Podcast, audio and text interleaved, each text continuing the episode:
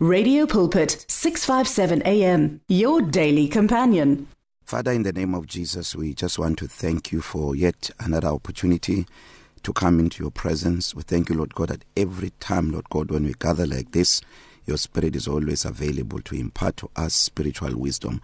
We thank you Lord for the amazing year ahead of us. Thank you for every person under the sound of my voice. We give you praise, glory, honor and majesty In Jesus name, amen and amen. Welcome to the show. My name is Pastor Kenny Mukwena and it's time for you to experience the blessing.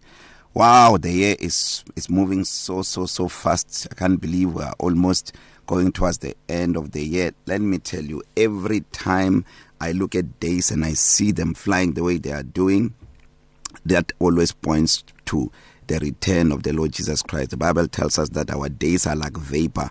Today they are here and tomorrow they are gone. So you and I it's time to look up more than ever and there is no better time to do that than when you start the year. So today we're starting a new conversation um very very exciting conversation that I know without a doubt that is relevant for this time especially at the beginning of the year it will realign our focus you know how we are perceiving the year how we are looking at things and even our plans concerning the year. So many people make resolutions beginning of the year but sometimes they never even have the the energy at the end of the year or the desire to review how the year has been like. So i want to position you as you listen to this conversation. We're going to be on these conversations for about 8 weeks um or so and I know without a doubt that your life will never be the same again. So we're talking about a conversation I've titled the one thing, the one thing. And we we find this actually in a conversation that Jesus Christ had with Martha in the book of Luke chapter 10 and also in the book of Mark uh, chapter 10 verse when you read somewhere from verse 17 so it's the conversation that Jesus had with Martha and a conversation that Jesus had with the rich young ruler. I remember the rich young ruler is a young man who came to Jesus and said um a teacher good teacher what shall I do that I may have eternal life? And Jesus said why do you call me good? There is only one good that is God. And then he says you know the commandments. And then he gave him the the the first six commandments that re relates to our horizontal relationship with one another. And then the young man said I've kept this from my youth. Um and Jesus the bible says he looked at him loved him and then said to him one thing you lack one thing you lack. So but we're going to focus more on Luke chapter 10 where Jesus talked to to to Martha. Uh, the sister of Mary. So let's read it because we are launching this uh, series. Let's put um, things into perspective by referring to the word. So Luke 10 verse 38 we're going to read um, up to verse 42 a very interesting passage. Verse 38 says now it happened as they were as they went that he entered a certain village and a certain woman named Martha welcomed him into her house. And she had a sister called Mary who also sat at Jesus' feet and heard his word. But Martha was distracted with much saving and she approached him and said, "Lord, do you not care that my sister has left me to serve alone? Therefore, tell her to help me." And Jesus answered and said to her, "Martha, Martha, you are worried and troubled about many things. I want you to underline that. I want you to note this part. You are worried and troubled about many things, but one thing is needed, and Mary has chosen that good part which will not be taken away from her." So we look at a few things here. This is where this conversation will revolve on. You are worried and troubled about many things. Number 1 one thing is needed. Number 2 and Mary has chosen that good part which will not be taken away from her. So we're to use we're to take the last the last part as number 3 so if you look at this portion of scripture it actually points us to a very very fundamental truth. In the scriptures. You know when many people begin the year as i said they make resolutions they've got plans you know about how the year is going to be like.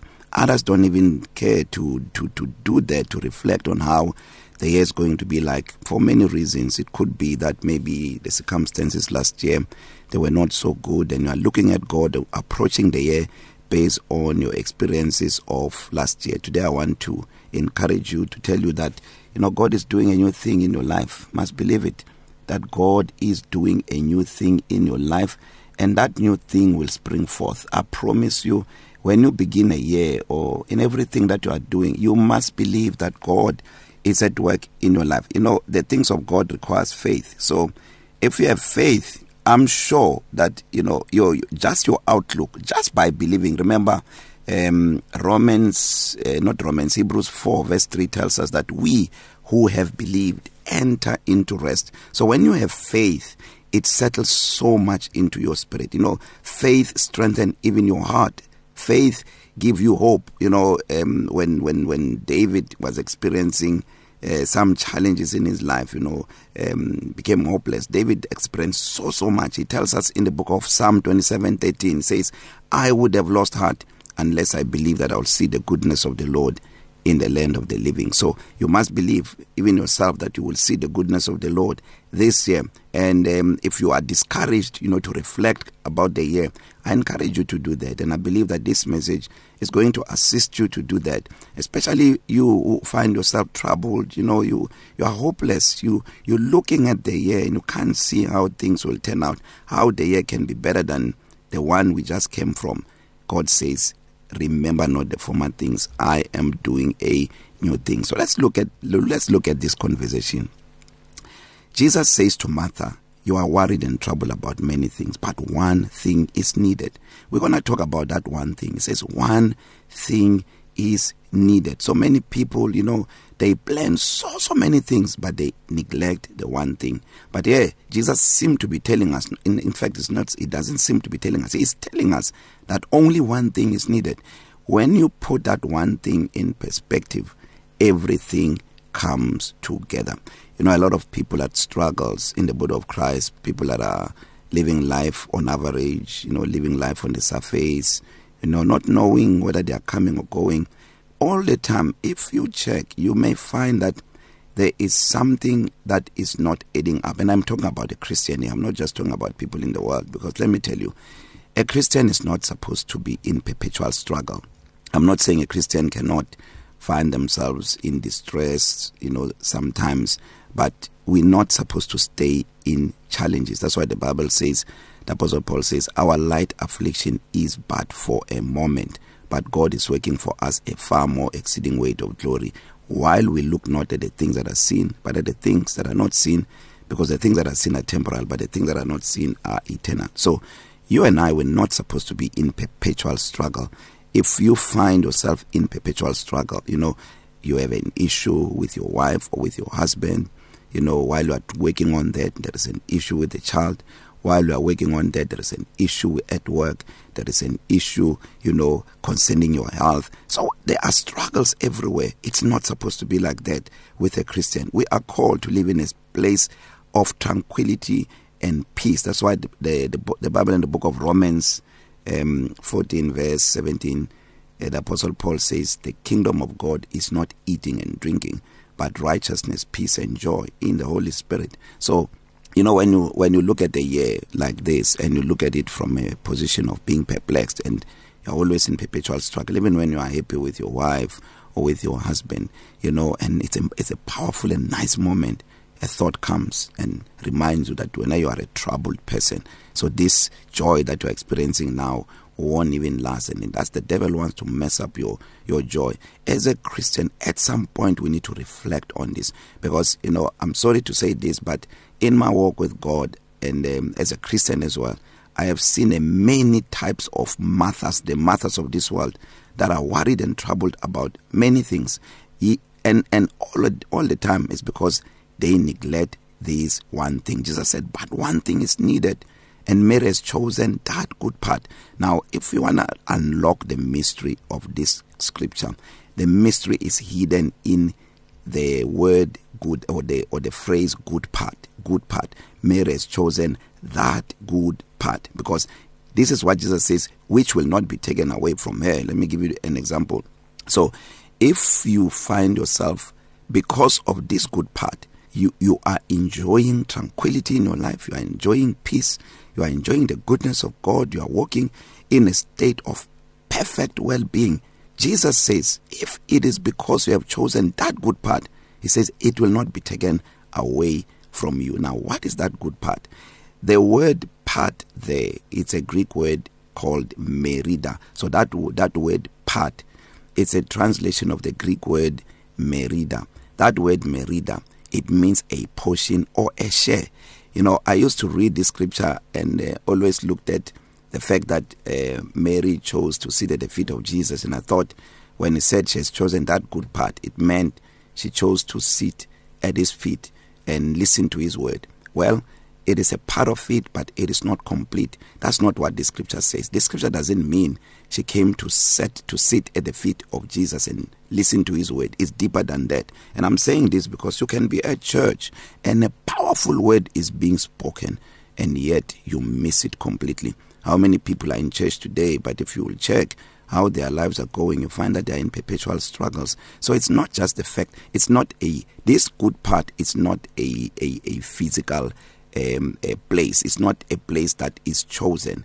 The good part the word merida it means a share or a portion. So to give you an, ex an example of what this means when you read the book of Psalm 16 verse 5 it says the Lord is the portion of our inheritance. That word portion there is it's what this word part means. It's merida. Also when you read Colossians um Colossians chapter 1 you will find the part where it says giving thanks to the Father who has qualified us to be partakers of the inheritance of the saints.